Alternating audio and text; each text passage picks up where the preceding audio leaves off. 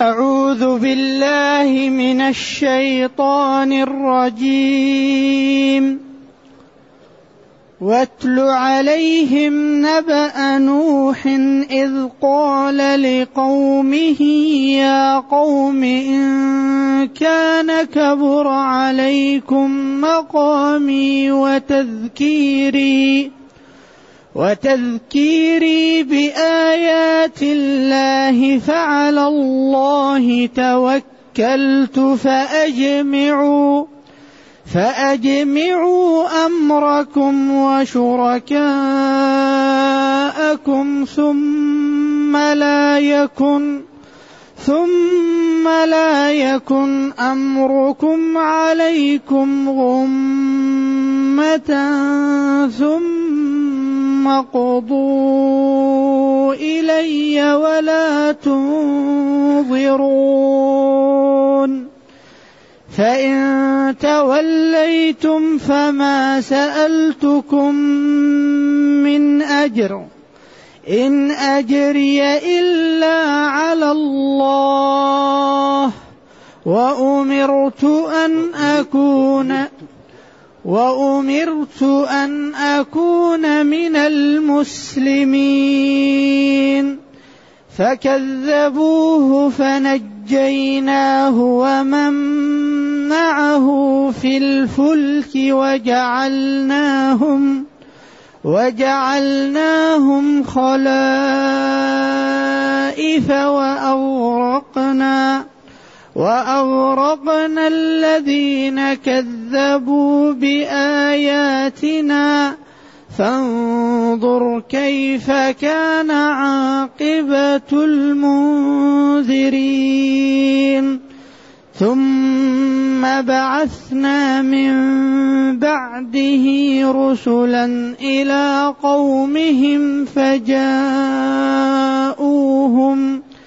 فجاءوهم بالبينات فما كانوا فما كانوا ليؤمنوا بما كذبوا به من قبل. كذلك نطبع على قلوب المعتدين.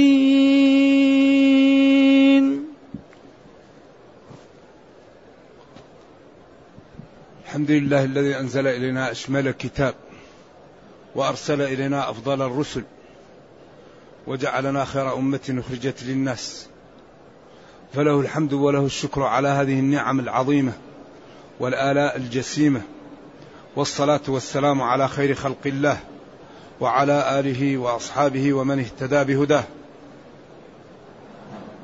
أما بعد فإن الله تعالى يأمر نبيه ويقول لهم واتل عليهم نبأ نوح. تلو. أمر. تلا يتلو. وواو وعين ولام الفعل محذوف لأن الأمر يبنى على ما, ما يجزم به مضارعه. تلو أصلها. تلا يتلو.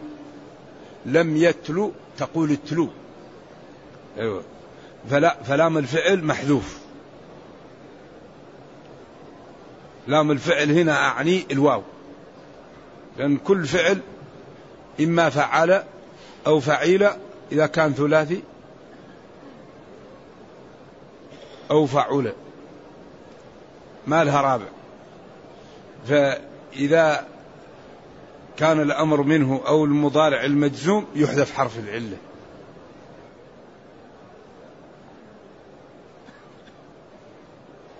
عليهم أي على المخاطبين ممن هم حولك ليعتبروا. نبأ الخبر الذي له شأن. نوح هو أول الأنبياء بعد آدم.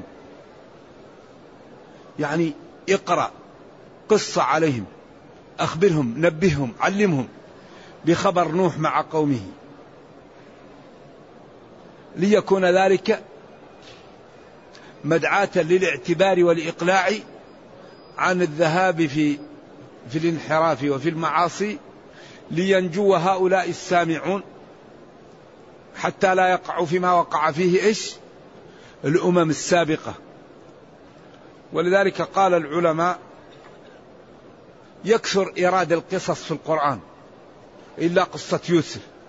قصة يوسف جاءت في محل واحد وقال نحن نقص عليك أحسن القصص. قالوا أحسن القصص القرآن وهذه القصة. لما فيها من الاعتبار ولما فيها من المواقف العجيبة. رجال يأخذون أخاهم صغيرا ويرموه في الجب ويبيعونه. ولما جاء جاء لامرأة العزيز وافتتنت به. وبعدين قصة غريبة. يعني مواقفها كلها في غاية من الجمال والحسن. والاعتبار لمن يعتبر. قالوا لما كررت هذه القصص؟ قالوا اولا القصة تأتي لأغراض فتتكرر لتلك الأغراض. أحيانا تأتي لبيان صدقه فتأتي. أحيانا لبيان صبره فتأتي. أحيانا لبيان لطف الله به فتأتي. أحيانا لبيان يعني إهلاك قومه فتأتي. فتورد القصة لأغراض متعددة فتأتي بتلك الأغراض. ثانيا إيراد القصة الواحدة بطرق مختلفة مع صدقها وجمال أسلوبها وحسن سبكها دلالة على إعجاز هذا القرآن. لأنه يأتي القصة الواحدة تأتي عشرات المرات لكن جميلة وحسينة وفي غاية من الصدق ولا في الشيء يضرب بعض. فهذا أيضا دلالة على إعجاز القرآن. ثالثا فيها برهان على صدق النبي صلى الله عليه وسلم. لأنه ما كان يقرأ ولا يكتب ويأتي بتفاصيل هذه القصص وهو لم يكن موجودا معهم ولم ي... لو لم يكن رسول من أين يعرف هذه الأشياء؟ فهي برهان على صدقه. رابعا فيها تثبيت للنبي وطمأنة له وتقوية له وأنه إن كذبه قومه فالرسل قبله كذبت وأنه إن حاولوا الإيقاع به فربه ناصره كما نصر من سبقه من الرسل. ولذلك يقول لقد كان في قصصهم عبرة لأولي الألباب. نعم. فهذه القصص غريبة ولكن لا يعتبر بها إلا من رزقه الله العقل والهداية واستعمل موارد العلم في شكر الله وفي طاعته. أما الذي لا يستعمل موارد العلم لشكر الله ولا في طاعته من أين تأتيه الهداية؟ أهم شيء أن الإنسان يستمع. أول نقطة الاستماع. أما الذي لا يستعد للاستماع من أين تأتيه الهداية؟ فبشر عبادي الذين يستمعون. لابد من الاستماع. لابد من إعطاء وقت. أما الذي لا لا استعداد له ليسمع طيب والوحي انقطع. هذا حتما يعني أوبق نفسه وأضلها لأنه لم يقم بالأسباب التي طالبه ربه أن يقوم بها. قال اعملوا افعلوا الخير. الذين يستمعون القول فيتبعون أحسنه. بعض الناس إذا سمع الخطيب يمشي. إذا سمع المحاضر إذا سمع الواعظ إذا سمع القرآن. خلاص ما عنده استعداد. طيب وبعدين من أين تأتي الهداية؟ بعدين كل شيء غلط. الصلاة غلط الصوم غلط. الطهارة غلط. التعامل مع الوالدين غلط. والعبادة لا تقبل إلا إذا كانت إيش؟ على المواصفات المطلوبة. هذا الدين خطر.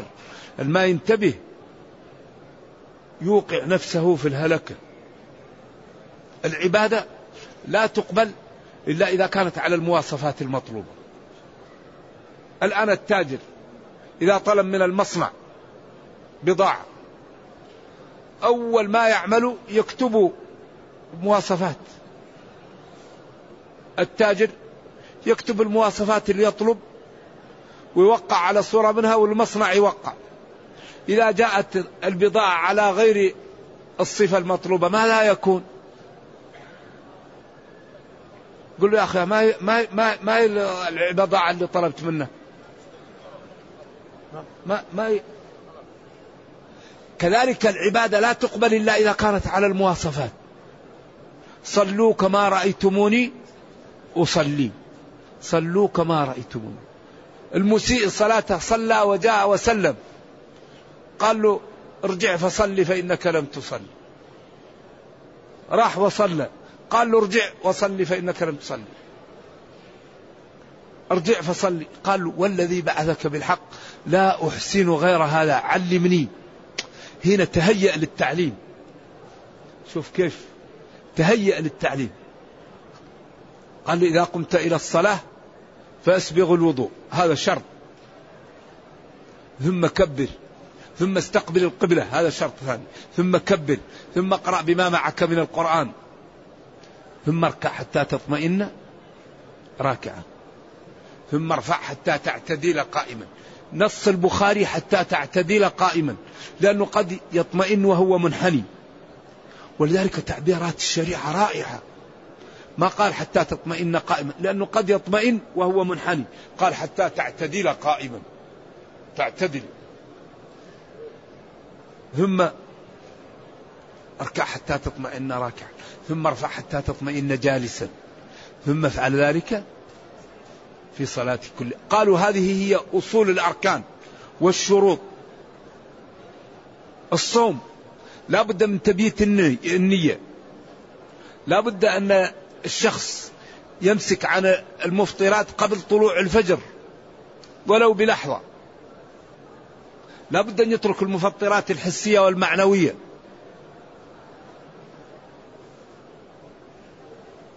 لا بد أن أن أن يصاحب النية. إذا رفض النية يفسد صومه. يقول أنا لا أريد.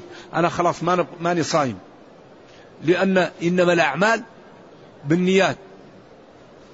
فالنية تمايز العبادات عن بعض وتمايز الواجب عن غير الواجب. لذلك قال صلى الله عليه وسلم إنما الأعمال بالنيات. فالعبادات إذا لم توقع على المواصفات المطلوبة يكون أجرها ناقصا أو معدوما. إذا والقضية الدين صحيح الإسلام دين صحيح وهذه الحياة وراها حياة أخرى وهذا العمل وراه محاسبة فالذي لا ينتبه قبل أن يفوت الأوان يندم في وقت لا ينفع الندم. المشكلة أن العمر محدود. العمر زي الشريط زي الطريق. إنسان ماشي مع طريق لازم تنتهي. إذا انتهت وهو ليس على على على حق ولا على بصيرة من أمره يندم في وقت لا ينفع الندم. لكن أما الذي يحاسب نفسه ويعرف كيف العبادات تعمل وكيف التعاملات تكون وكيف الله شرع عبادته وبأي شيء يعبد وكيف أرسل هذا الرسول وكيف أوجب طاعته فيما جاء به وسار على الطريق ينجو. أما الذي لا يبالي الحلال ما حل في اليد. وبعدين ما له شغل. ينام يأكل يشرب يمشي ينظر. يتكلم. هذا سبب لدخول النار. أكبر أسباب دخول النار أربعة أمور. هي كبريات دخول النار. أول شيء عدم الصلاة وعدم الزكاة وعدم الانتباه من هذا وعدم الإيمان. هذه الأربعة هي كبريات معوقات دخول الجنة. سأل أهل الجنة أهل النار ما سلككم في سقر؟ قالوا لم نك من المصلين. إذا قال حي على الصلاة قفل عليه بابه. دخل تحت السرير. نزل للهلديز. طلع السطح. ولذلك قال وإنها لكبيرة إلا على الخاشعين. إن توكيد واللام توكيد إلا على خاشع. الصلاة على غير الخاشع مستحيلة صعبة جدا. لم نكن من المصلين ولم نكن المسكين. إذا جاء المسكين يقول روح أمشي. وأما السائل فلا تنهر. أعطيه أو رد بالمعروف. وإما تعرضن عنهم ابتغاء رحمة من ربك ترجوها؟ قل لهم قرن مثل إلا تكن ورق يوما أجود بها للسائلين فإني لين العود. لا يعدم السائلون الخير من خلقي إما نوالي وإما حسن مردودي نعم. ولذلك نبينا صلى الله عليه وسلم قال له ربه إن جاءك أهل الاحتياج ولم يكن عندك فقل لهم أبشروا. إن جاءت إن جاء الخير إن جاءت الغنائم إن جاءت الصدقة إن جاء شيء أبشروا أملوا خيرا. فقل لهم قولا. أما المسلم يأتيه المسلم يقول له روح ما عندي أمشي. أعوذ بالله هذا ليس من المروءة. رد رد معروف قل له جزاك الله خير. أول ما نجد فسحة نعطيك. وكنا نخوض مع الخائضين. تكلموا نتكلم. قالوا نقل خلاص نخوض مع الناس. وكنا نكذب بيوم شوف هذه هذه كبريات أصول دخول جهنم. ومن الغريب ومن العجيب أن الله وضح كبريات دخول الجنة وهي عكس هذه الأمور.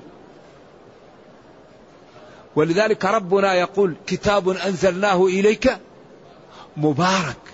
كثير البركة كثير الخير كثير النفع ليدبروا آياته كتاب مليء بالمنافع مليء بالعز مليء بالرفعة مليء بالحماية مليء بالمروءة ليدبروا آياته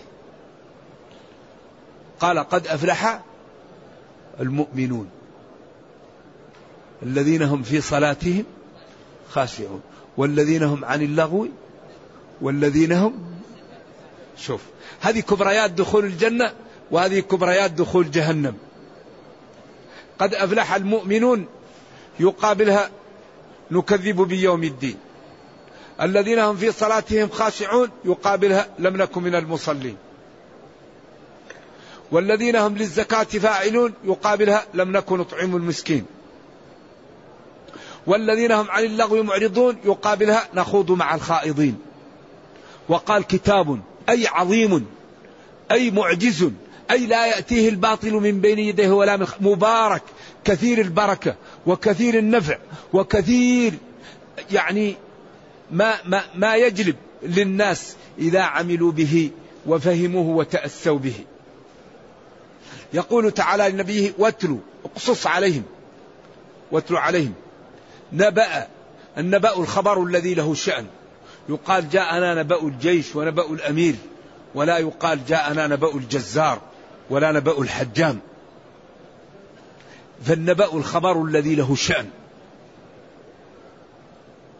يعني اقصص عليهم يا نبي خبر نوح.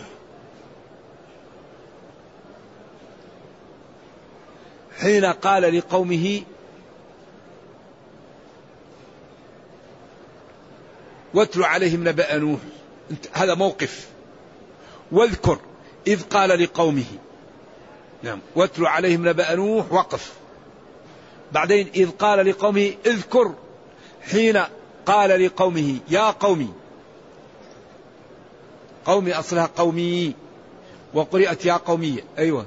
إن كان كبر عظم عليكم مقامي بينكم هذه المدة الطويلة وتذكيري بآيات الله. وغضبتم مني وأردتم الإيقاع بي. فافعلوا ما شئتم فعلى الله توكلت. وهذا فيه تسلية للنبي صلى الله عليه وسلم. وفيه تخويف لقومه. وأنهم إن لم يبادروا بماذا؟ بالتوبة. فقد يصلهم ما يصل نوح ومن جاء بعدهم في الآيات المذكورة. فبادروا أيها القوم المخاطبون بالتوبة وبالدخول في الإسلام حتى لا يحل بكم من المثلات ومن العقوبة ما حل بالأمم المكذبة السابقة لكم. فاعتبروا وأنجوا بنفسكم قبل أن يفوت الأوان عليكم.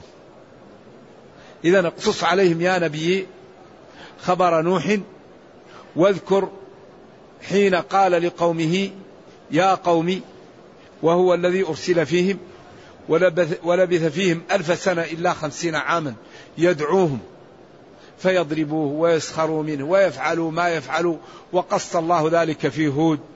وفي سورة نوح وفي غيرها من السور وفي سورة الأعراف فجاءت في أماكن عديدة. إن كان عظوما عليكم كبر عظوما عليكم مقامي بين أظهركم وضقتم به ذرعا. ما أردتموه بي فافعلوه فعلى الله توكلت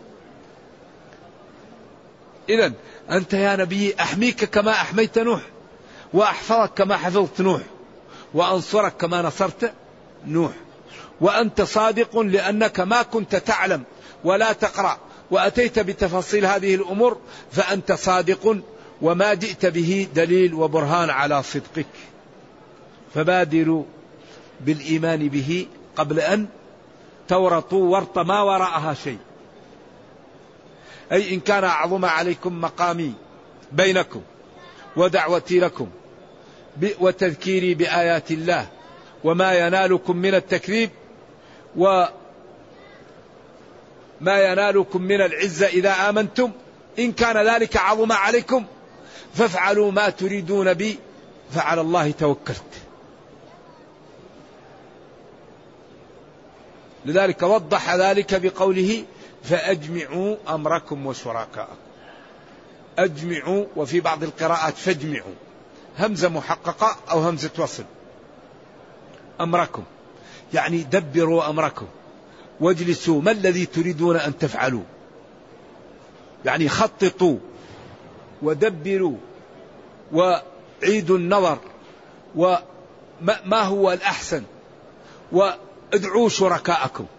كما قال علفتها تبنا وماء باردا. وقال ززجنا الحواجب والعيون.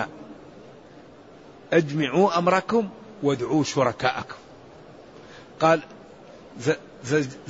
زججنا الحواجب وكحلنا العيون. وقال علفتها تبنا وسقيتها ماء. لأن هذا يفهم من السياق. لذلك قال اجمعوا أمركم وادعوا شركاءكم على أقرب التفاسير. إذا هذا تحدي سافر من نوح. ولذلك الرسل لا تأتي إلا بالمعجزات. لا تأتي إلا و... وعندها المعجزات. لكن الله تعالى إذا كتب على نفس الشقاوة لا مرد لها. ولذلك الورطة الكبيرة أن يكتب الإنسان شقي. نرجو الله أن لا يكتبنا من الأشقياء. لأن الذي كتب شقيا يرى الحق باطلا. ويرى الباطل حقا ويرى الدين يعني تبع الدراويش ويرى المتدينون ناس ضعاف عقول ويسخر من كل متدين لأن الله تعالى ختم عليه. الذي كتب الله له الشقاوة إذا رأى متدينا يسخر منه. مسكين ضيع وقته. ولذلك هذا الدين ما يملكه الإنسان. هذا الشيء يرزقه الله للعبد. ما يمكن أبدا. الإمام من خصائص الربوبية. لا يملك أن يدخل المعلومة في القلب إلا خالق السماوات والأرض. ذلك كان من دعاء نبينا يا مقلب القلوب ثبت قلبي على دين يا مقلب القلوب ثبت قلبي على دين هؤلاء نبيهم. ألف سنة إلا خمسين عام بين أظهرهم. يا ناس يا ناس يا ناس. قال له قومه لن يؤمن من قومك. قال ما دام كذا دعا عليهم. ربي لا تذر على الأرض. إنك إن تذرهم ولا يلدوا وبعدين دعا عليهم فاستجاب له قال له اصنع السفينة وبدأ يقطع الأشجار ويصنع السفينة. بعدين جعلوه سخرية. بعد أن كنت نبيا صرت إيش؟ نجارا. قال إن تسخروا منا. طيب بعدين العاقبة. طيب تشوفوا الطريقة بعدين عمل السفينة. وبعدين ركب فيها ومن آمن به. وكان مطمئن أن ابنه ينجو. لأنه قال إنا منجوك. وأهلك. فقال لبنيه يا بني اركب معنا. قال له ولده سآوي إلى جبل. قال له لا عاصم اليوم من أمر الله إلا من رحيم. القضية الأمر أعلى وأفخم. الماء يكون فوق الجبل أكبر من طول الجبل. فلما انتهت وقال قيل يا أرض ويا سماء وغيض الماء. وقضي الأمر واستوت على الجودي وقيل بعد للقوم هنا قال ربي إن ابني من أهلي. وأنت قلت لي إنا منجوك. قال له ربه يا نوح إنه ليس من أهلك. أي الموعود بنجاتهم. إنه عمل غير صالح أو عمل غير صالح. فنوح على طول قال ربي إني أعوذ بك أن أسألك ما ليس لي به علم وإلا تغفر لي وترحمني كن من الخاسرين. ولذلك الذي يدعي أن غير الله يعلم الغيب فقل له بكل يعني وضوح إنه كذاب. هذا نبي الله يقول ربي إن ابني من أهلي. وما كان يدري حتى قال له ربه إنه ليس من أهلي. وإبراهيم ذبح عجله للملائكة وشواه بالحجارة وجاء به فلما لم يأكلوا خاف حتى قالوا له إنا أرسلنا إلى قوم لوط. ولوط لما جاءته الملائكة ضاق بهم ذرعا وقال كلامه المحزن المبكي يا قوم هؤلاء بناتي بنات الحي تزوجوهن أو بناتي. فاتقوا الله ولا تخسوني في ضيفي. أليس منكم رجل رشيد؟ قالوا لقد علمت وإنك حتى قال له جبريل يا لوط إنا رسل ربك لن يصلوا إليك. اطمئن نحن رسل الله. وأخذ جبريل يده ومسحها على أوجههم فلم يبقى أثر للعين ولا الأنف ولا الفم. أصبح الوجه كالكف طمسنا أعينهم ووضع جناحه تحت القرى وقلبها والمؤتفكة؟ وهذا يعقوب ابيضت عيناه من الحزن. وليس بينه وبين يوسف إلا صراع صحراء سيناء حتى جاء البشير وأخبره. وهذا نبينا صلى الله عليه وسلم كان يقول يا عائشة إن كنت ألممت بسوء فتوبي إلى الله حتى أنزل الله أولئك مبرؤون مما يقولون. والله جل وعلا يقول قل لا يعلم من في السماوات والأرض الغيب. نقول الولي أو الوتد أو البدل يعلم الغيب. نقول الأولياء يعلمون الغيب أو الأبدال أو الصالحين. إذا لا بد أن نفهم ديننا ونمتثل شرع الله ونعلم أن الغيب من خصائص الربوبية وإجابة المضطر من خصائص الألوهية. أمن خلق السماوات والأرض؟ أمن يجيب المضطر؟ ولذلك الله يقول وما أكثر الناس ولو حرصت ويقول وإن تطع أكثر من في الأرض وثبت أن نصيب الجنة واحد من الألف. حين يقال يا آدم أبعث. بعث النار وهو أبو البشرية. يقول وما بعث النار؟ يقول من كل ألف تسعة وتسعين وتسعمية. ما بعث الجنة؟ واحد في الألف. ذلك الوقت تذهل كل مرضعة عما أرضعت وتضع كل ذات حمل حملها وترى الناس سكارى وما هم بسكارى ولكن عذاب الله شديد. فلذلك النجاة النجاة. النجاة و و و والأمر سهل لمن سهله الله عليه. إنسان يسأل الله ويقوم بالأسباب. يسأل الله ويقوم بالأسباب. يتعلم. يتعلم. ويعمل. ويسأل الله. ثلاثة. يتعلم. لأن العبادة لا تقبل إلا على موظف. ويعمل. وقل اعملوا. ويسأل الله لأن الله يقول ادعوني. هذه من أكبر أسباب الإنقاذ. التعلم والعمل وسؤال الله. تصلي وتقول اللهم ارزقني الورع. تقرأ وقول اللهم ارزقني العلم. تغض بصرك وقول اللهم احمني من المعاصي. تبيع وتشتري حلالا وتقول اللهم اغنني. تتزوج وقول اللهم ارزقني الولد الصالح. لا بد من أن نقوم بالأسباب. لأن الدنيا يحكمها قانون إيش؟ الأسباب. معاوضة. أوفوا بعهدي وفي بعهدكم إن الله اشترى. لذلك نحن أكبر معوق يعوقنا أن نريد الثمن والمثمون نريد أن نأخذ الثمن والمثمون وما حصل هذا؟ إذا أردنا الثمن المثمون ندفع الثمن. إن الله اشترى من المؤمنين أنفسهم إيش؟ وأموالهم بأن لهم الجنة. الجنة لها ثمن غالي. فذلك الذي يريد الجنة يبذل. نعم. ألم نجعل له عينين ولسانا وهديناه؟ لذلك الآن الكفار علموا من ظاهر الحياة الدنيا أنه لا بد من العمل. يشتغلون لأنهم علموا من ظاهر الحياة أن بدون شغل الإنسان لا ينتج. لا بد من تطبيق النظام. لأن تطبيق النظام يأمن به الجميع. لا بد من شراء العقول. لأن العقول يختصر للأمم الطريق. لا بد من الاستشارة. حتى تأتي المشاريع ناضجة والآراء محكمة. وشاورهم.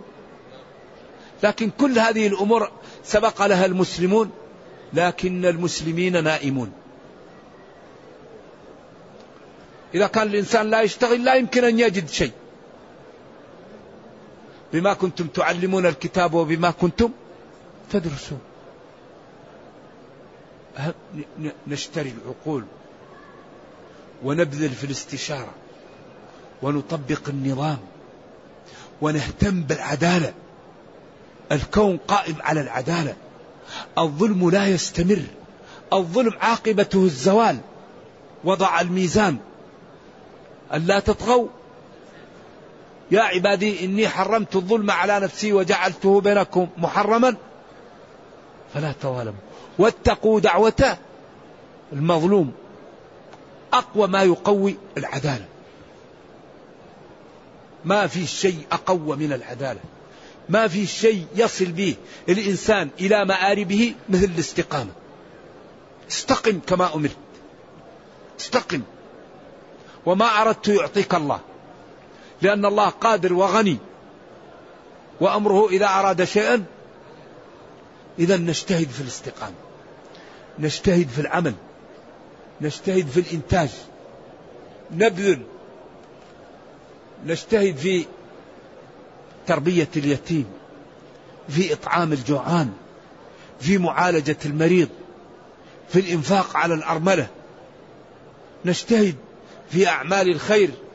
والله تعالى لا يضيع أجر من أحسن عملا.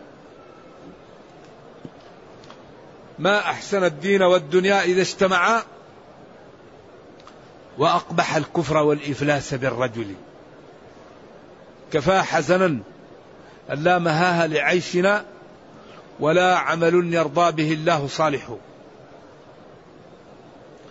إذا يقول جل وعلا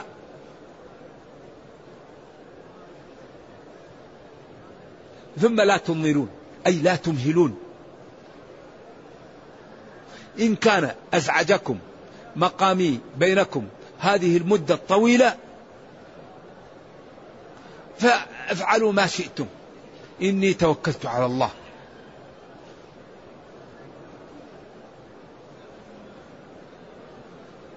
لا تنظرون ولا تمهلون وافعلوا ما أجمعوا أمركم وشركاءكم ثم كيدون ثم أوقعوا بي فلا تنظرون.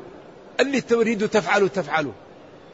في غير هذا أنا عبد لله وهو أرسلني وأنتم تريدون تهددونني أفعلوا ما شئتم توكلت على الله. لذلك قال ربنا ومن يتوكل على الله؟ هود. لما ثارت فيه غريزة الإيمان حين خوفه قومه بآلهتهم قالوا يا هود ما جئتنا ببينة وما نحن بتاركي آلهتنا عن قولك وما نحن لك بمؤمنين إن نقول إلا اعتراك بعض آلهتنا ثارت فيه غريزة الإيمان بسوء قال إني أشهد الله واشهدوا أني بريء مما تشركون من دونه فكيدوني جميعا ثم لا تنظرون إني توكلت على الله ربي وربكم. إن كنتم صادقين فيما تقولون فأنا فرد وأنتم أمة ضروني توكلت على الله. إذا ينبغي لنا أن نعيش على ما أراد منا ربنا. ينبغي أن نمتثل الأوامر ونجتنب النواهي وأن نتجرع العمل لديننا ونعلم أن الجنة ثمنها غالي. وأن الإنسان إذا لم يتنبه يندم في وقت لا ينفع الندم.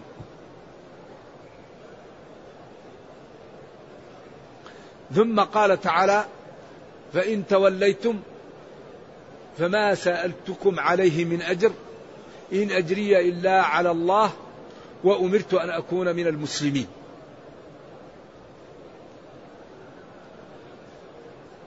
فإن أعرضتم وكذبتم ولم تتبعوني أنا ما طلبت منكم مالا ولا كنت آخذ مالا ولا يعني لا أنتم نقصتم بدعوتي لكم شيء ولا أنا استفدت من من دعوتكم شيء وإنما النفع يصل إليكم. ولذلك هنا وقفة. هل يجوز أخذ الأجرة على التعليم وعلى أعمال الخير والبر؟ هنا وقفة للفقهاء. بعضهم قال لا الدعوة لا يأخذ عليها الإنسان وتعليم العلم لا يأخذ عليه الإنسان. وبعضهم قال لا هذه مصالح عامة وإذا لم يأخذ عليها الإنسان تتعطل مصالح المسلمين.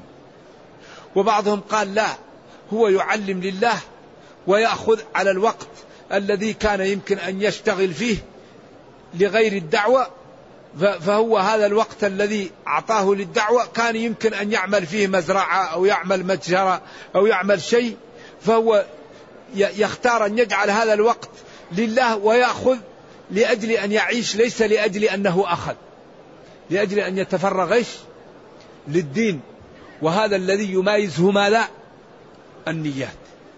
ما يعلمه إلا الله لأن الرجل يقاتل مغرما ويقاتل للحمية ويقاتل ليرى مكانه فقال من قاتل لتكون كلمة الله هي العليا.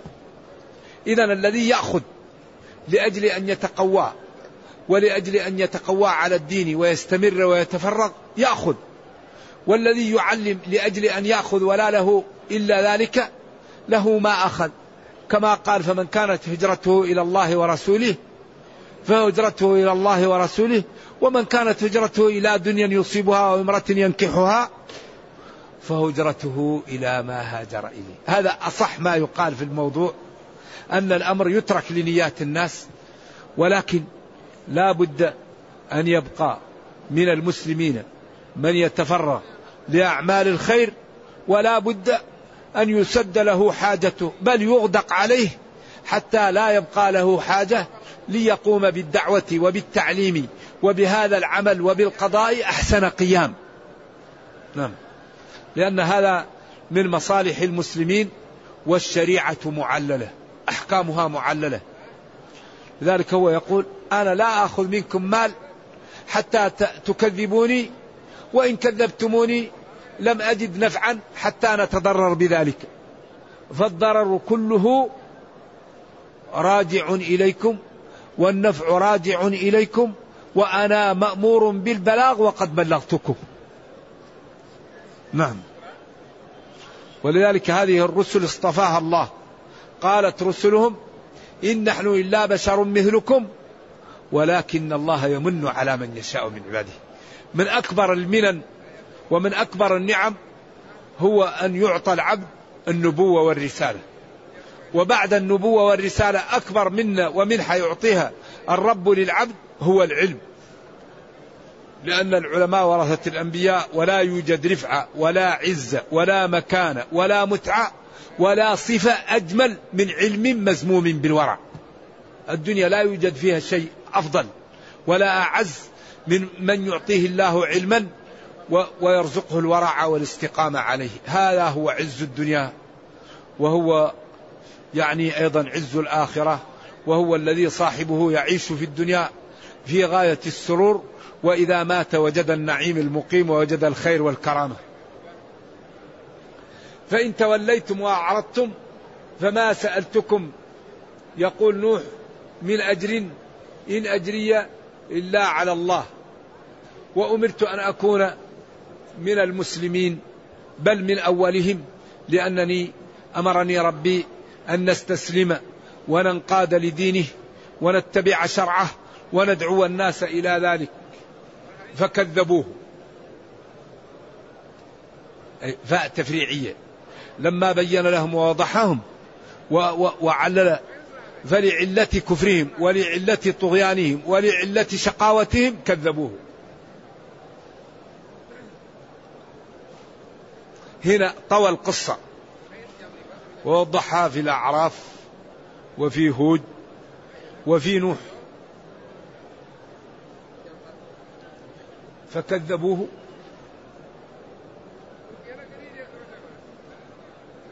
فنجيناه. لما كذبوه وقع. فنجيناه.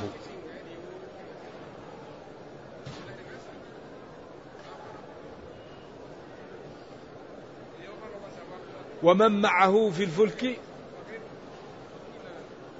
وجعلناهم خلائف وأغرقنا الذين كذبوا بآياتنا فانظر كيف كان عاقبة المنذرين.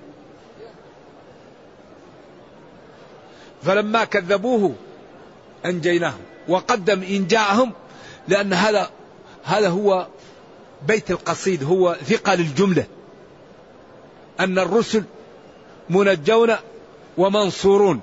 فأنت يا نبي منجى ومنصور. وهؤلاء الذين يكذبونك مهلكون ومغلبون. فكذبوه فنجيناه ومن معه في الفلك الفلك السفينة وكان معه قليل ركبوا في السفينة وما آمن معه إلا قليل. وجعلناهم خلائف كل من في الأرض ماتوا وأصبح الذي يخلف في الأرض ويتوالد من كانوا في السفينة. ولذلك آدم الصغير هو نوح. لم يبقى إلا من كان في السفينة.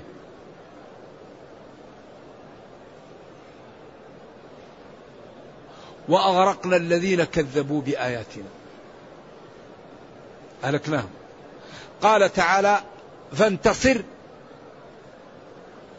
ففتحنا أبواب السماء بماء وفجرنا الأرض عيونا. الأرض على أصح التفاسير هي التنور. وإن أبى ذلك جلة من العلماء. التنور هو وجه الأرض.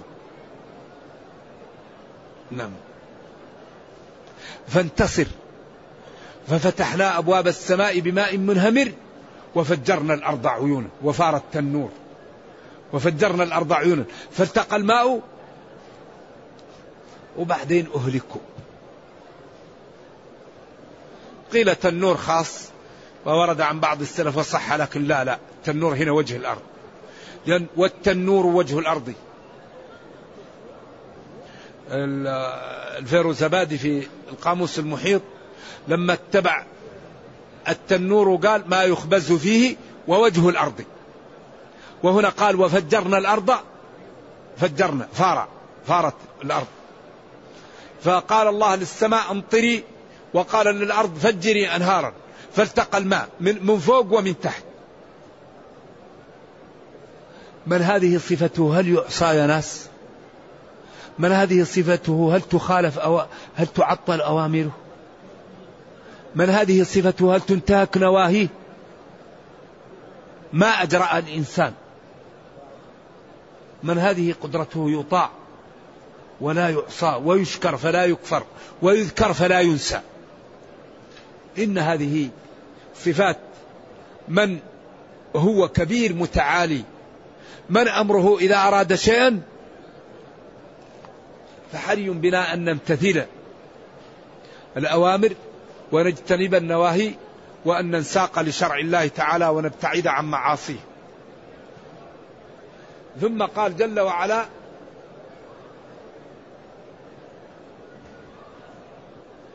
وأغرقنا الذين كذبوا بآياتنا فانظر كيف كان عاقبة المنذرين. أغرقناهم أهلكناهم.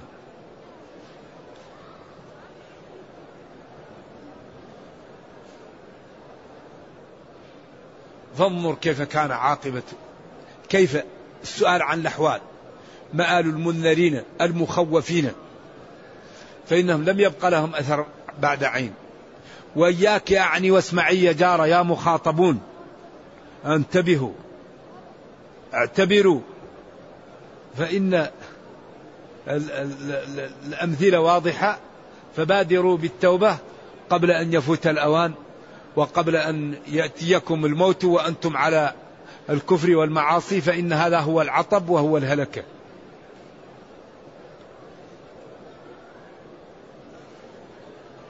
ثم بعثنا من بعده ثم بعد على بابها لأنه بعد مدة بعثنا أرسلنا من بعده بعد نوح رسلا فضلاء شرفاء أتقياء صالح هود إبراهيم شعيب. هؤلاء. كما فصلهم في سورة الأعراف.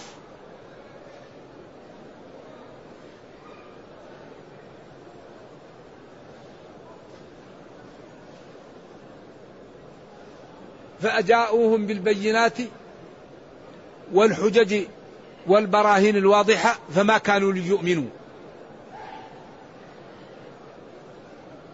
فما كان هؤلاء ليؤمنوا بما كذبوا به من قبل. أي بما سبق من تكذيبهم من قبل وبما جاء في علم الله من ختم عليهم بالشقاوة. عياذا بالله تعالى. مثل هذا الطبع ومثل هذا الختم يقع على قلوب المجرمين. مثل على قلوب المعتدين. مثل هذا الطبع وهذا الختم يقع على قلوب المتجاوزين لطاعة الله المتعدين لها للكفر به والتكذيب برسله وبالوقوف في دعوته. وهنا طوى القصة ووضحها في سورة الأعراف. وفي النهاية اطمئن يا نبي فإني ناصرك ومهلك عدوك. إلا من قدرت له الإيمان. فأنت اطمئن وأثبت على ما أنت عليه. وادعو لدينك على ما جاءك واعلم أن عاقبة المجرمين الهلاك والغلبة ودخول النار. فاحذروا يا سامعون واعلموا أن الله تعالى أوضح الحجج والبراهين. نرجو الله جل وعلا أن يرينا الحق حقا ويرزقنا اتباعه وأن يرينا الباطل باطلا ويرزقنا اجتنابه. وأن لا يجعل الأمر ملتبسا علينا فنضل. اللهم ربنا أتنا في الدنيا حسنة وفي الآخرة حسنة وقنا عذاب النار. اللهم اختم بالسعادة آجالنا واقرم بالعافية غدونا وآصالنا واجعل إلى جنتك مصيرنا ومآلنا يا أرحم الراحمين. اللهم إنا نسألك الجنة ونعوذ بك من النار. اللهم اغفر لنا ذنوبنا كلها دقها وجلها أولها وآخرها علانيتها وسرها. يا حي يا قيوم برحمتك نستغيث. أصلح لنا شأننا كله ولا تكلنا إلى أنفسنا طرفة عين. سبحان ربك رب العزة عما يصفون وسلام على المرسلين والحمد لله رب العالمين. والسلام عليكم ورحمة الله وبركاته.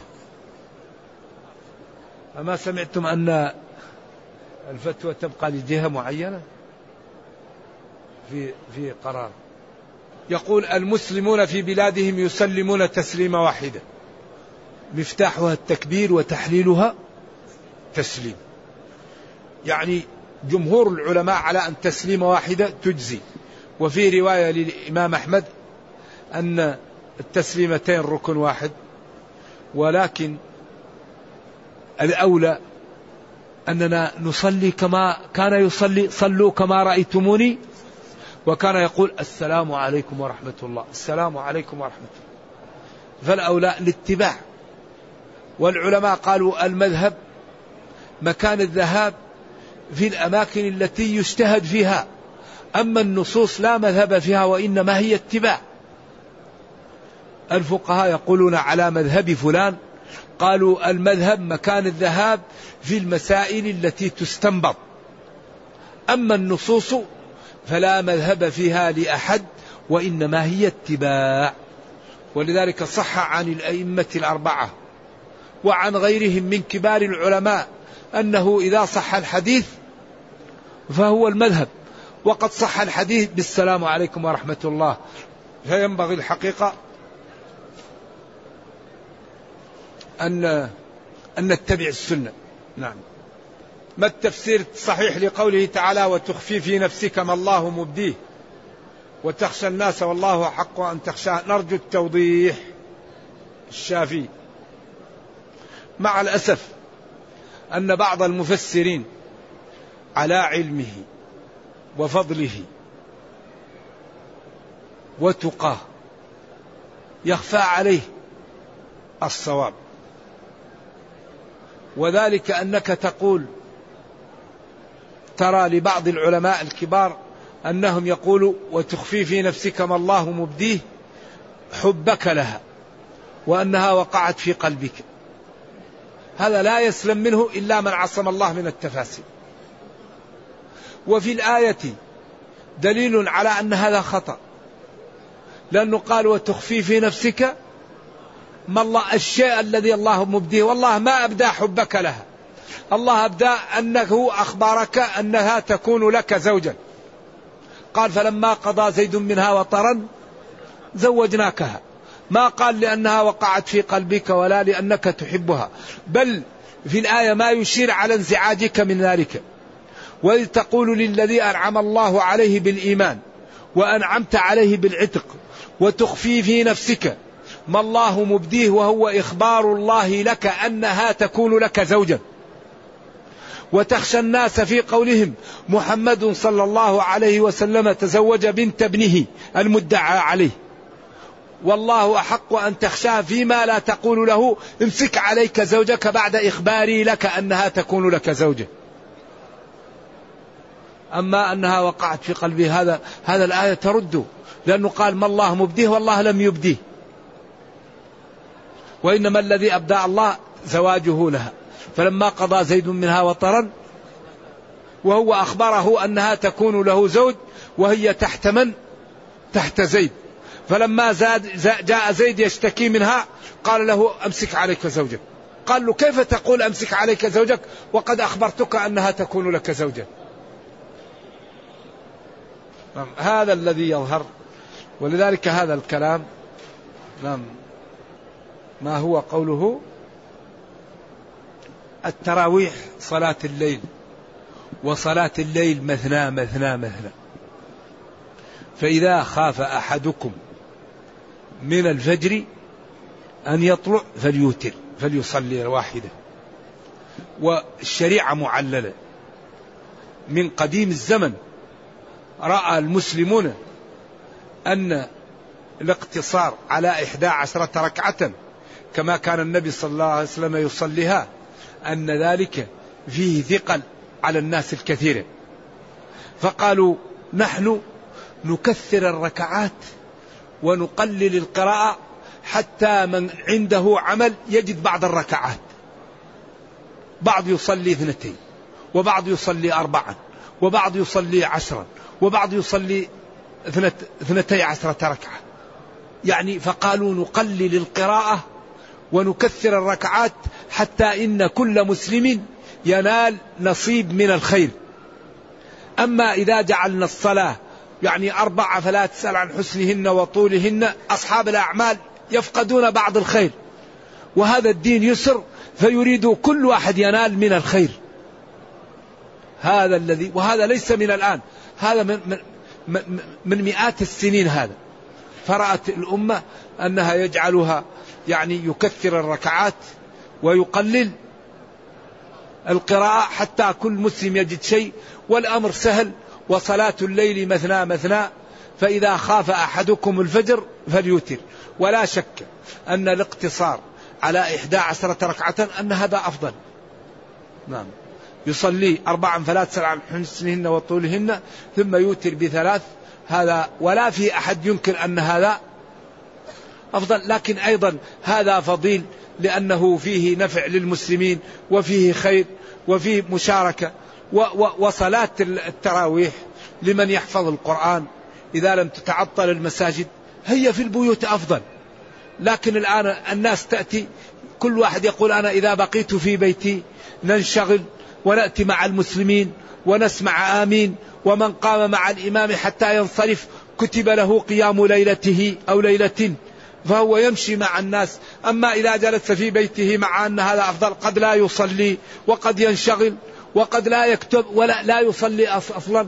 أما إذا صلى مع الإمام فضمن أجر ليلة. أما الأصل النبي صلى الله عليه وسلم قال صلوا في بيوتكم صلوا في بيوتكم فإن صلاة المرء في بيته أفضل إلا المكتوبة. وسبب ورود الحديث التراويح. هذا سبب التراويح. أيها الناس إني رأيت مكانكم ولولا أني خشيت أن تفرض عليكم فصلوا في بيوتكم. لذلك جمهور العلماء قالوا من يريد أن يصلي في بيته ويخشع الصلاة في البيت أفضل؟ لكن الذي يأتي لبيته لا يصلي ولا يقوم. وإذا قام مع الإمام كتبت له ليلة يصلي مع الإمام حتى يكتب له قيام ليلة وحتى يأمن أنه وجد إيش؟ وجد أجر من أن يتأخر ولا يصلي أو ينشغل. نعم. ولذلك الخير كله في الاتباع. نتبع اتبعوا ما أنزل إليكم. يسن لمن كان مسافر أن يصلي النوافل الرواتب. كأن جلة من العلماء يقولوا المسافر تسقط عنه الرواتب. ومنهم من يقول تريد تصلي لا تريد تصلي. والنوافل المطلقة تصلى في, في, في السفر. لأنه كان يوجه راحلته لجهة القبلة ويكبر ويخليها تمشي إلى جهة ويصلي النافلة على الراحلة. ودائما الصلاة على النافلة الراحلة لا تكون إلا في السفر في الغالب. فمن صلى الرواتب في السفر لا يلام ومن تركها لا يلام والنوافل أصلا ليست بواجبة. فمن يريد أن يصلي يصلي ومن لا يريد أن يصلي لا يصلي. وكأن الأدلة أقوى في أن النوافل الراتبة تترك في, في, في السفر كأن هذا أدلة أقوى ولكن من صلاها لا يعاب ولا يلام. نعم. نرجو الله لي ولكم التوفيق. السلام عليكم.